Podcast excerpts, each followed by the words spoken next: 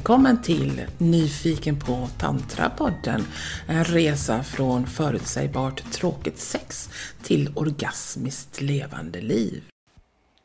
Nu är det dags för det tredje avsnittet av den här spännande boken Konsten att älska med Barry Long. Den kom in i mitt liv för minst tio år sedan och den har varit så betydelsefull. Jag har ofta hänvisat till den faktiskt när folk har frågat mig vilken bok man ska börja med. Den eh, väcker ett och annat och den vänder upp och ner på ganska mycket. Så du som lyssnar nu, jag hoppas att du har haft möjlighet att lyssna även på del 1 och del 2 eftersom det nu är dags för del 3. Mycket nöje! Problemet med sex. I det här kapitlet kommer vi att fördjupa oss i orsakerna till sexuella problem, hur man hanterar dem och hur man älskar på rätt sätt. Det vill säga hur man älskar utan känslor. I kärlek utan känslor finns inga kärleksproblem. Vad är egentligen känslor? Låt oss börja med att reda ut det. Känslor eller emotioner är levande substans från det förflutna. Den du var och de värderingar som du hade då. Det är ditt själv. Det lever ett eget liv i ditt undermedvetna. Det är inte du nu, inte den intelligens som läser detta i nuet. Men det finns där nu, i skiktet närmast under din absoluta närvaro. Och så fort du blir påmind om någon eller någonting som har stört eller åsamkat dig smärta i det förflutna kommer den emotionella substansen att stiga upp över ytan och inta din intelligens eller närvaro. Låt oss ta ett exempel. Säg att den här boken gör dig känslomässigt påmind om att du inte är lycklig i din relation med din partner eller älskare. Den känslan eller emotionen är det förflutna. Den står i relation till hur din partner i det förflutna har försummat att älska dig tillräckligt mycket eller hur han eller hon nyss tilltalade dig eller missförstod dig för bara någon minut sedan. Också en minut eller sekund tillbaka i tiden är det förflutna. Din intelligens blir distraherad från läsningen i nuet och relaterar istället till det förgångna, varpå du känner dig olycklig. Men, men det är ditt själv det förflutna i dig som är olyckligt, inte intelligensen i nuet. Varje gång du blir sur, deprimerad, arg eller svartsjuk så känner du ditt självs emotionella substans från det förflutna. Och eftersom din intelligens identifierar sig med det, som, med det så blir du ditt förflutna själv och börjar upprepa mönstret hos alla de gamla känslorna. Ofta till din uppriktiga förtret. Du kan till och med undra var i hela friden alla känslorna kommer ifrån. Och så snabbt dessutom. Det är ditt förflutna sårade själv som visar sig som smärta i nuet och du förlorar nuet, vilket i själva verket är din närvaro. Kort sagt förlorar du din närvaro. Ditt själv, känslomässiga själv försöker alltid att komma tillbaka och leva vidare inom dig och kontrollera och utnyttja dig på samma sätt som det alltid har gjort när dina ord eller känslor kommer från det förflutna, från påminnelsen av något smärtsamt, svunnet ögonblick, är du känslomässig. Du är inte uppriktig, du är inte dig själv. Och då kan du varken vara kärleksfull eller älska till din fulla potential. Allt detta betyder att du bara kan älska i nuet, det vill säga när du inte har förlorat din närvaro. Och därför måste ditt första steg bli att lära dig lämna ditt själv bakom dig och inte tillåta det att komma upp och förstöra er kärleksakt. Detta är betydligt lättare sagt än gjort. Jag ska förklara varför. Substansen från alla dina förflutna sexuella känslor, både de upphetsande och de smärtsamma, har ackumulerats och blivit kvar i ditt könsorgan eller i den del av hjärnan som styr det. Den ackumulerade substansen omvandlas till en spänning, ett begär efter att upprepa de lustfyllda erfarenheterna och undvika att upprepa de smärtsamma. I kvinnan manifesteras spänningen fysiskt som en subtil åtstramning i vaginan, ibland en akut sådan. Psykologiskt skapar den ofrivilliga tankar och känslor associerade till tidigare sexuell njutning. Det kan få henne att onanera. Den själviska tillfredsställelsen i onani som varken har någon kärlek eller man att konkurrera med sällar sig till den vaginala spänningen där den tar sig uttryck som begär efter att upprepa sig själv. Och med det blir ovanan förevigad. Mannens obearbetade sexuella emotioner, upphetsade såväl som smärtsamma, visar sig som en hårdhet i hans penis under kärleksakten. En penis som är erigerad ska vara fast men inte hård. En hård penis drar sannolikt till sig en på motsvarande sätt hård eller spänd vagina. Och därmed också en kvinna som troligtvis inte är medveten om skillnaden mellan hård och fast. Hon är förmodligen så pass anpassad till sexuell upphetsning att en fast och kärleksfull penis knappt känns i henne. Eller så är den kärleksfulla penisen och hennes lättretliga vagina så omaka att penisen antagligen vägrat att erigera eller vägrar att vara kvar i vaginan och därför lämnar den. I mannen leder också den sexuella spänningen till ofrivillig erektion. För både mannen och kvinnan leder denna genitala påfrestning till rastlöshet, tungsinne och missnöje. Varje vagina, tills den blir älskad på rätt sätt, är en emotionell vagina. Det vill säga förhållandevis stel, muskulös, ivrig, misstänksam och nätt och jämnt mottaglig. Även om spänningen i vaginan inte är direkt märkbar för kvinnan kommer hon att känna av dess effekter i sitt känsloliv. En vagina som berörts eller penetrerats av många emotionella män kommer att uppträda som en emotionell penis. Den blir hård, ivrig och rovgirig, fokuserad på orgasm. När en vagina är sexuellt hungrig på det sättet utvecklas väldigt lite medvetenhet om kärleken i kvinnan. Som alla kvinnor känner hon kärleken inom sig, men när samlaget börjar drunknar den kärleken i upphetsningen och tanken på orgasm. Denna njutning som är grundad på tillfällig känslomässig tillfredsställelse leder till djupt inre missnöje. Oavsett om kvinnan har varit med flera, vilket i så fall bara berodde på hennes desperata sökande efter kärlek, eller bara har haft en tidigare älskare kommer hennes vagina att vara, svara enligt den energi som mannen har försett den med. Reningsprocessen i vaginan begynner i kontakten med en penis som inte har gett efter för den själviska sexdriften men som har tjänat kärleken och utvecklat tillräckligt mycket medvetande. En vagina som är fri från känslor är smidig, mjuk, generös, enkel, naturlig, kravlös och stilla. Med en sådan vagina blir kärleksakten mycket ljuvligare och mer tillfredsställande för kvinnan.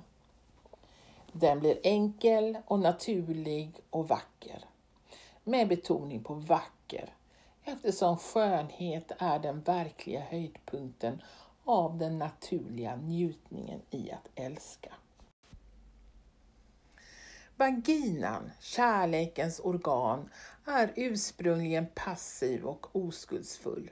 Sina dåliga vanor har den lärt sig av det manliga organet. Penisen är vaginans guru eller lärare på både gott och ont. Vid födseln är det kvinnliga psyket rent och oskuldsfullt fullt, fullt med kärlek och under flickans första år är det öppet och absorberande alla influenser av kärlek och sexualitet i familjen och omvärlden. Med så mycket förflutet i det mänskliga släktet är vaginan idag potentiellt känslomässig ända från spädbarnsåldern. Varje flicka absorberar under sin uppväxt något av den sexualitet och sexuella frustration som finns i hennes far, bröder, manliga släktingar, pojkvänner och i den mansdominerade medievärlden och det mansdominerade samhället omkring henne. Efter puberteten infrias vaginans känslomässiga potential och den unga kvinnan drabbas av normala förutsägbara kärleksproblem. Kärleken ger näring till hennes psyke, men de pro projicerade sexuella influenserna täcker, täcker över hennes kärlek med ett skikt av mental upphetsning som får henne att tidigt falla in i romantiska sexuella fantasier och i dagdrömmeri som ger upphov till rädsla. Också när kvinnan ännu är oskuld är vaginan spänd av känslomässiga fantasier, upphetsning och naiva sexuella erfarenheter som petting och onani. I samma stund som hon kommer i kontakt med den manliga sexualiteten infekteras hon av källan till allt missnöje och blir desillusionerad av mannens brist på kärlek. Första gången hon kommer in i i henne. Kanske den fysiska smärtan tillfälligt håller henne närvarande, men hon kommer snart att drömma sig bort till de förflutna och in i känslor och fantasier. Ignoransen av kärleken i världen upprätthåller den grundläggande spänningen i varje flicka och orörd vagina. För länge sedan, när tiden och det mänskliga släktet var mycket ungt, förstod oskulden kärleken därför att hon var kärleken. Det fanns ingen ignorans om kärleken i hennes medvetande, lika lite som det fanns emotioner i hennes vagina. Hennes brist på fysisk erfarenhet orsakade ingen spänning eftersom hon förstod kärleken innan hon älskade för första gången. Idag förstår oskulden varken kärleken eller sig själv. Det finns inga riktiga lärare eller gurus som kan instruera henne innan hon bildar sig felaktiga uppfattningar genom tråkiga sexuella erfarenheter och heller inget samhälle kärleksfullt nog att tillåta en sådan fundamental utbildning. Utan någon kunskap om kärleken fantiserar oskulden om vad fysisk kärlek är. Detta fantiserar, fantiserande genererar den vaginala känslomässigheten, spänningarna och upphetsningen. Med åren som går växer flickans erfarenhet och spänningarna i hennes vagina hopar sig. De flesta kvinnors erfarenheter av fysisk kärlek innefattar upprepade besvikelser. De flesta män, Mens består av automatisk upphetsning vid tanken på utlösning, med kvinnans rädslor, tvivel och hopp, som alla är grundade på tidigare erfarenheter, och mannens livliga upphetsning, också den baserad på tidigare erfarenhet, är chansen väldigt liten att verklig kärlek ska, kan skapas i deras kärleksakt i nuet. Mer känslor än kärlek kommer att skapas. När man försöker upprepa en bra sexuell erfarenhet, en orgasm till exempel, gör man sig själv förväntansfull eller känslomässig. När man försöker undvika att upprepa dåliga erfarenheter gör man sig själv känslomässigt misstänksam och försiktig. Under inga av dessa förutsättningar kan man älska. Den oroväckande sanningen som ännu inte har insetts är att de emotioner som skapas i det som skulle vara en kärleksakt kommer att stiga upp till ytan inom några minuter, timmar eller dagar och ge upphov till depression eller missnöje. Speciellt i kvinnan. I mannen visar sig emotionerna som irritation, ilska eller aggressivitet som det är troligt att han kommer att försöka bli av med genom att onanera. Riktigt lycklig är penisen bara när den är erigerad inuti kvinnans vaginala djup. Erigerad i den tomma rymden utanför vaginan blir penisen otålig, hetsig och känslomässig. I detta onaturliga tillstånd betraktas den allmänt som obscen och ofta också som hotfull eftersom en penis är regerad utanför sin naturliga plats i vaginan är en projektion och sexuell aggressivitet. Sådan erektion kräver, är krävande och obekväm för mannen.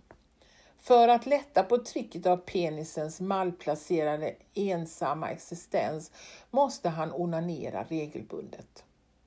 Vi är alla sexuellt belastade, redo att bli känslomässiga så fort det finns en möjlighet till samlag.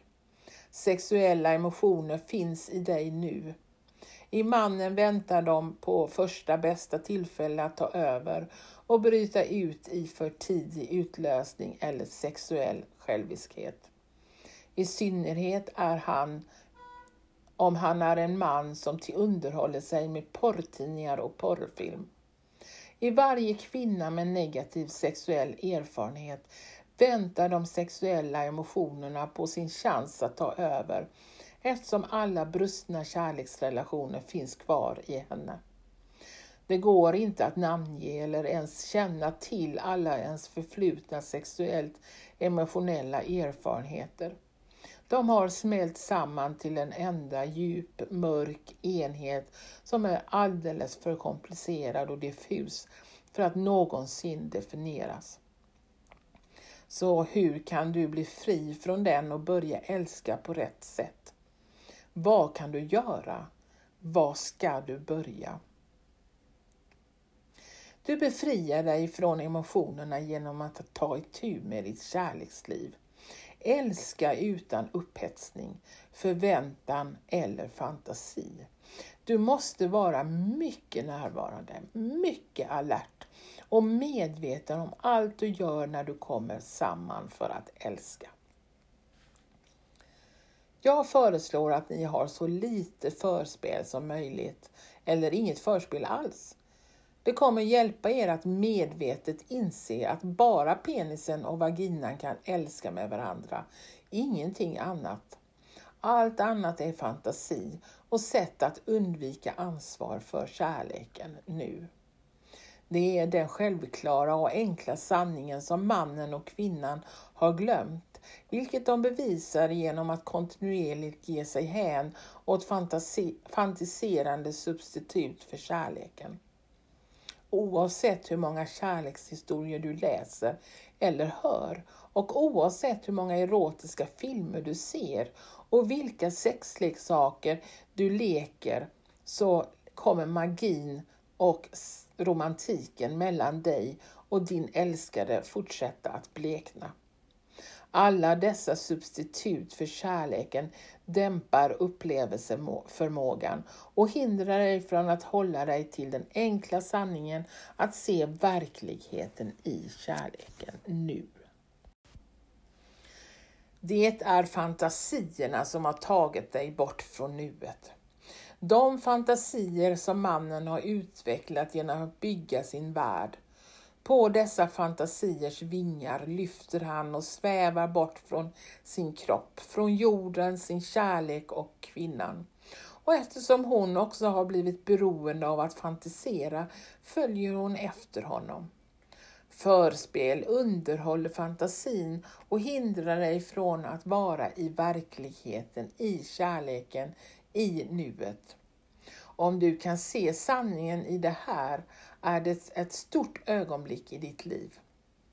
En man eller kvinna som är sig själv ser normalt flörtande och passionerad petting före samlag som sätt att undvika ansvar för kärleken i nuet. Att leka sexlekar är som att ta en stor whisky. En dos av fel sorts rus för att söka mod eller drog för att glömma vad man gör eftersom man ännu inte är redo att acceptera sanningen i att kärleken bara skapas nu. Att man kan bara älska nu och inte i någon inbillad framtid. Och därför är som vanligt i mannens värld sanningen den motsatta mot vad den allmänt anses vara. Världen spelar spel istället för att älska. Sanningen är att om du älskar behöver du inte spela några spel. Det finns ingen kärlek i fantasin. Varför behöver du alls tänka eller fantisera? För att få lust? För att få erektion? Nonsens. Det tror du bara. Att tänka eller fantisera är en ovana som större delen av världen har anammat genom brist på kärlek och förståelse. Det är en mycket svår ovana att göra sig av med, men det måste du. Du behöver inte din fantasi för att älska. Du har ju verkligheten. Den faktiska, levande mannen eller kvinnan. Han eller hon ger dig den mest underbara, ljuvliga sensation som du någonsin kan uppleva i din fysiska kropp och inte i tanken. Människorna har verkligen blivit lurade av fantasin. I alla tider har unga och gamla onanerat och fantiserat om att älska. Omedvetna om att detta har varit ren bedrägeri och ett grymt beroende. Och eftersom alla har hängivit sig åt samma missbruk så har dess kärlekslösa verklighetsflykt kommit att betraktas som normalt och till och med nödvändigt utan att ens rannsakats. Låt mig komma med en fråga som många män kommer att ställa sig. Hur onanerar man utan fantasier? Du, den vuxna människan, kan inte det. Men när du upphör att fantisera och inbilla dig saker om kärleken upphör också onanerandet. Det är fantas fantiserandet som är problemet, inte onanerandet. Som en cyklon rör fantasierna upp den sexuella emotionaliteten i dig och får dig att onanera. Om du måste onanera och begäret efter att göra det är mycket starkt, särskilt i mannen, tänk då så lite som möjligt. Tänk inte på något ansikte. Ingen har någonsin älskat med ett ansikte förutom i sin fantasi. Är du man så tänk bara på den kvi det kvinnliga könsorganet. Det är det närmaste verkligheten du kan komma. Vänd dig av med att onanera genom att inte tänka på eller lusta efter det motsatta könet. Det kommer att få impulsen att gradvis avta.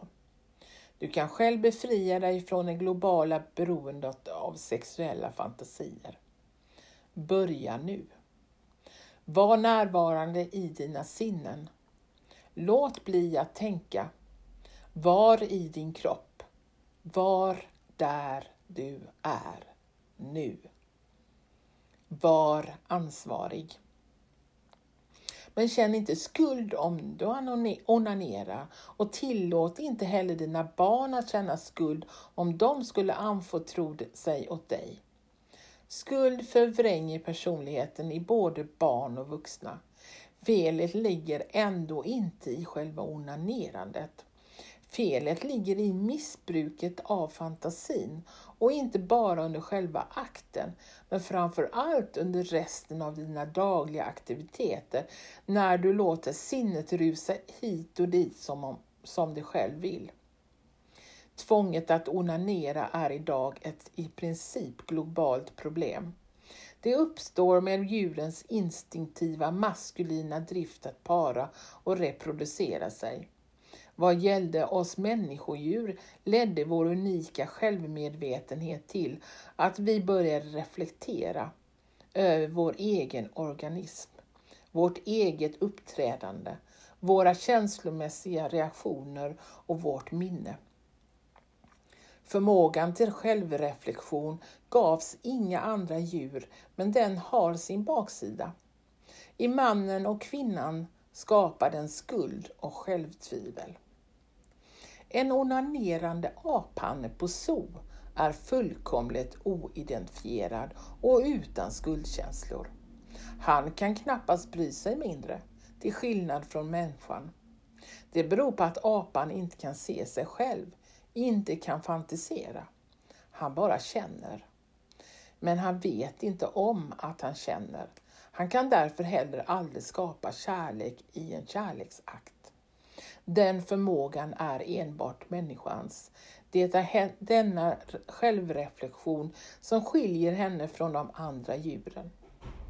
Men när hon missbrukar denna unika kreativa gåva, som att tänka på förflutna sexuella minnen och känslor, faller hon tillbaka till sitt animaliska förflutna. Den mekaniska animaliska driften onanerar eller har har samlag utan kärlek, då är människan olycklig. Om apan hade haft den kreativa kraften att älska skulle den också kunna se sig själv onanera och känna skuld. Men apan kan bara välja mellan att onanera eller reproducera sig själv. Själv har jag bara sett apor onanera i fångenskap, aldrig vilda. Mannen onanerar så länge han är fången i sitt tänkande sinne och inte kan bemästra sin fantasi. Impotens. Impotens är inte nödvändigtvis ett tecken på fysisk svaghet eller brist på manlighet. Även friska och unga män lider av impotens. Orsaken är inte heller psykologisk eller baserad på rädsla som vissa terapeuter påstår. Rädsla är inte någon orsak till impotens. Det är en effekt av det. Undantaget när den fysiska förmågan är nedsatt vid dålig hälsa, sjukdom eller skada på penisen orsakas impotens av själviskhet. Oförmågan att erigera kommer ur bristen på villighet att verkligen älska kvinnan fysiskt. Oavsett om det garanterar något för egen vinning och oavsett om man känner för det eller inte. Det är bara ursäkter för att inte kunna älska. Om man känner för det eller inte är irre irre irrelevant. I kärleken älskar man helt enkelt för att det är underbart vackert att älska kvinnan.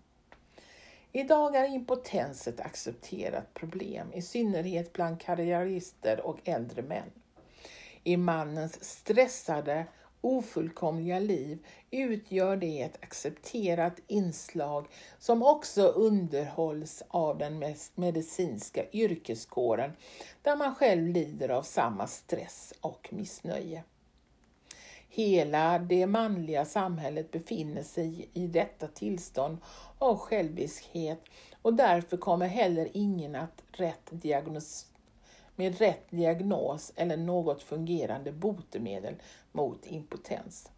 Alla är ursäktande för sina misslyckanden med att ta ansvar för kärleken. Impotens orsakas av brist på kärlek, men eftersom erektion även kan framkallas genom upphetsning kan oförmågan att agera också bero på brist på emotionalitet. När mannen blir äldre och livet liksom har trubbat av en del av hans emotionella upphetsning är det större risk att han får problem med sin erektion. Och vid det, laget, vid det laget finns det oftast inte tillräckligt med kärlek i vare hans eller hans kvinnas kropp under kärleksakten. Penisen behöver antingen sexuella emotioner eller kärlek för att erigera. Ofta när par blir fysiskt trötta på varandra och ser det mer som en plikt att ha samlag finns det varken emotionell drift eller tillräckligt med kärlek eller medvetande mellan dem. Och därför har mannen svårt att få stånd. Om mannen har den emotionella driften men ingen kärlek kommer han i alla fall inte att ha några svårigheter att få erektion. Det räcker med emotionell, emotionalitet eller sexuell aggression. En emotionell penis erigerar för att tillfredsställa sig själv och behöver som alla kvinnor vet ingen kärlek för att ha sex. Det blir förmodligen en ensidig historia. Men om kvinnan själv försätter sig i mannens tillstånd, vilket hon kan, kan genom sin påtvingade manlighet, kan de tillfredsställa varandra. Men det kommer inte att vara kärlek. En penis som är mottaglig för kärlek, men inte för emotioner, blir fullt erigerad inuti vaginan eller precis innan den kommer in. En kärleksfull vagina har inga problem att ta emot en mjuk penis som är full av kärlek. Så fort den kommer in blir den fast, auktoritär och erigerad med syfte att älska. Men om kvinnan drömmer sig bort eller är sexuellt krävande kanske det inte finns tillräckligt med kärlek i hennes vagina för att bevara mannens erektion. I synnerhet inte om mannen verkligen eftersträvar att rena sig själv. En sådan man använder inte sin fantasi utan älskar i den stund och med den kvinna han är tillsammans med. Han blir inte störd av tillfällig brist på erektion. Han är tålmodig och väntar, tillgänglig för kärleken då den kommer tillbaka. För tidig utlösning. Det största fysiska problemet i kärleksakten är mannens för tidiga utlösning och utan att veta det bidrar också kvinnan till den. En man som kommer för tidigt har tillfälligt förlorat viljan att älska, förlorat sig själv. Han kan inte ta emot en kvinna som ger hela sig själv till honom och saknar därför sin verkliga auktoritet. Han vet det och han skäms över det. Den enda verkliga auktoriteten som mannen kan ha över kvinnan finns i kärleken och den kommer hon att ge honom helt utan förbehåll när han visar tillräckligt med kärlek för att ta emot hennes totala överlämnande.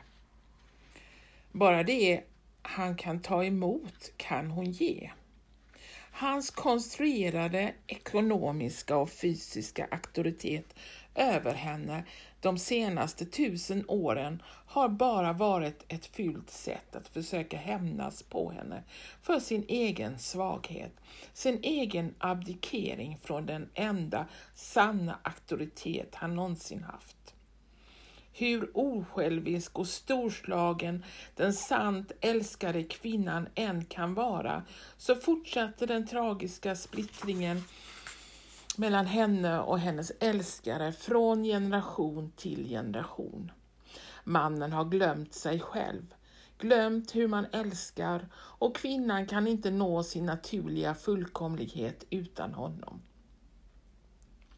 För tidig utlösning orsakas av upphetsning och förväntningar som finns i både mannen och kvinnan långt innan den fysiska akten inleds.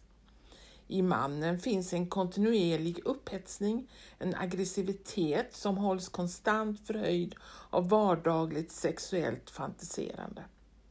Han håller den aggressiva grundnivån förhållandevis hög genom att vara fixerad vid, vid sex. Genom att tänka på sex, läsa om sex, skämta och prata med andra män om sex, anspela på sex i blandade sällskap, genom att titta efter kvinnor, medvetet åtrå dem och genom att vanemässigt ta omedveten sexuell kontakt med dem. Han underhåller ständigt sina sexuella emotioner och därför ligger hans sexuella temperatur normalt på, låt oss säga 50 grader. Kvinnan däremot ligger normalt på kanske 20 grader. Hon är i grund och botten mindre aggressiv än mannen, då hon i grund och botten inte är sexfixerad. Eftersom mannen är sexfixerad är han redo för sex när som helst. Undantaget när något av hans komplex eller hämningar kommer emellan. Det är inte kvinnan, om hon inte är verkligt kär. För att hon ska vilja älska måste hennes normala sexuella temperatur stiga. Under förspelet, innan samlaget, när de kelar, kysser varandra, smeker varandras bröst och könsorgan, stiger den sexuella temperaturen i både mannen och kvinnan. När den upphetsningen läggs till mannens redan förhöjda stimulansnivå får den honom att fantisera mycket mer än kvinnan, varpå hans sexuella temperatur i rask takt stiger. När det blir dags för honom att komma in i henne brinner han med en 99 graders temperatur som snabbt stiger i förväntan och iver. Hon däremot håller behagliga 70 grader som också är på väg uppåt. Ibland räcker det med att han, hon särar på sina ben och förverkligar hans fantasier om henne för att han ska komma. Eller om hans penis bara snuddar vid henne. Eller bara penetrerar öppningen på hennes vagina. Eller så lyckas han komma ända in i vaginan innan han kommer. När han själviskt ejakulerar rasar så några sekunder hans sexuella temperatur från febriga 100 grader till noll. Han är förlöst. Tillbaka i det sällsynta tillståndet av sval, osjälvisk frånvaro från begär. Kvinnans bidrag till mannens för tidiga utlösning är subtil och du måste noga i din egen erfarenhet granska det jag kommer att säga. Det är ingenting som alla kvinnor upplever, så om det inte är sant för dig ska du heller inte inbilla dig eller låtsas att det är det. I den unga vaginan, i den otillräckligt älskade och den lättretliga vaginan förekommer en specifik reaktion på penisen penisens penetrering. En våg av energi, av förtryckt kärlek rusar ner från hennes överkropp till underlivet. Som en ström av kärlek är energin menad att dra till sig penisen upp och in i den innersta delen av vaginan mot livmodern. Men också för en erfaren älskare kan reaktionen komma som en plötslig intensiv våg och chocken eller styrkan i vågen drar den sexuella emotionen ut ur penisen varpå mannen ejakulerar. När kvinnan har lärt sig att ge ifrån sig sin kärlek mjukt och försiktigt i vaginan minskar trycket på hennes partner att få orgasm. Och när han i sin tur börjar reducera sin sexuella upphetsning minskar hans problem med för tidig utlösning. För mannen innebär ejakulationen vanligtvis slutet på kärleksakten. En självisk älskare missar att samla in kvinnans finaste energier även om han för henne för henne till orgasm. En orgasm befriar och skingrar bara hennes akuta sexuella emotioner. Men de högre gudomliga energierna som förblir oinsamlade kommer förr eller senare att degenerera till känslomässiga krav och missnöje. All känslomässighet i kvinnan är hennes begär eller rop efter att bli sant älskad och inte utnyttjad som sexuell spottkopp. Men tack och lov är kvinnan kärlek. Inunder alla hennes emotioner, åsikter och komplex är kärleken hennes sanna natur. Om hon älskar mannen eller om hon bara älskar kan hon utstå den sexuella besvikelsen. Alla kvinnor representerar modern, den sanna arketypiska kvinnan, Moder Jord, som vi alla gläds åt och njuter av. Om än bara i ett glas whisky från jordens säd och vatten. Mannen är som ett barn i förhållande till den gränslösa kärleken i en sann kvinna, vilket varje kvinna in, in under sitt lidande vet att hon är. I sin kärlek kan hon förlåta honom för att han kommer för tidigt och sätta sina egna behov åt sidan. Hållande honom inne i sig kan hon absorbera den rastlösa energin i hans orgasm, där han blir som ny som en pojke i sitt korta ögonblick av frid. För kvinnan är kärleken fullkomlig när hon får ta emot mannen inne i sig får ta allt som han är och kan ge och gengäld ge honom varenda uns av sig själv i djupt, fullständigt överlämnande till kärleken. När mannen kommer för tidigt är han inte mogen nog att ge henne allt han har. Han har inte den tiden. Och då kan hon heller inte ge tillbaka allt det hon har till honom. Genom att komma lämnar han henne och därför blir han lite mindre man och hon blir lite mindre den kvinna hon är. I det större perspektivet i historien om mannen och kvinnan och deras kamp för att förenas har då den här mannen och den här kvinnan kommit lite längre ifrån varandra.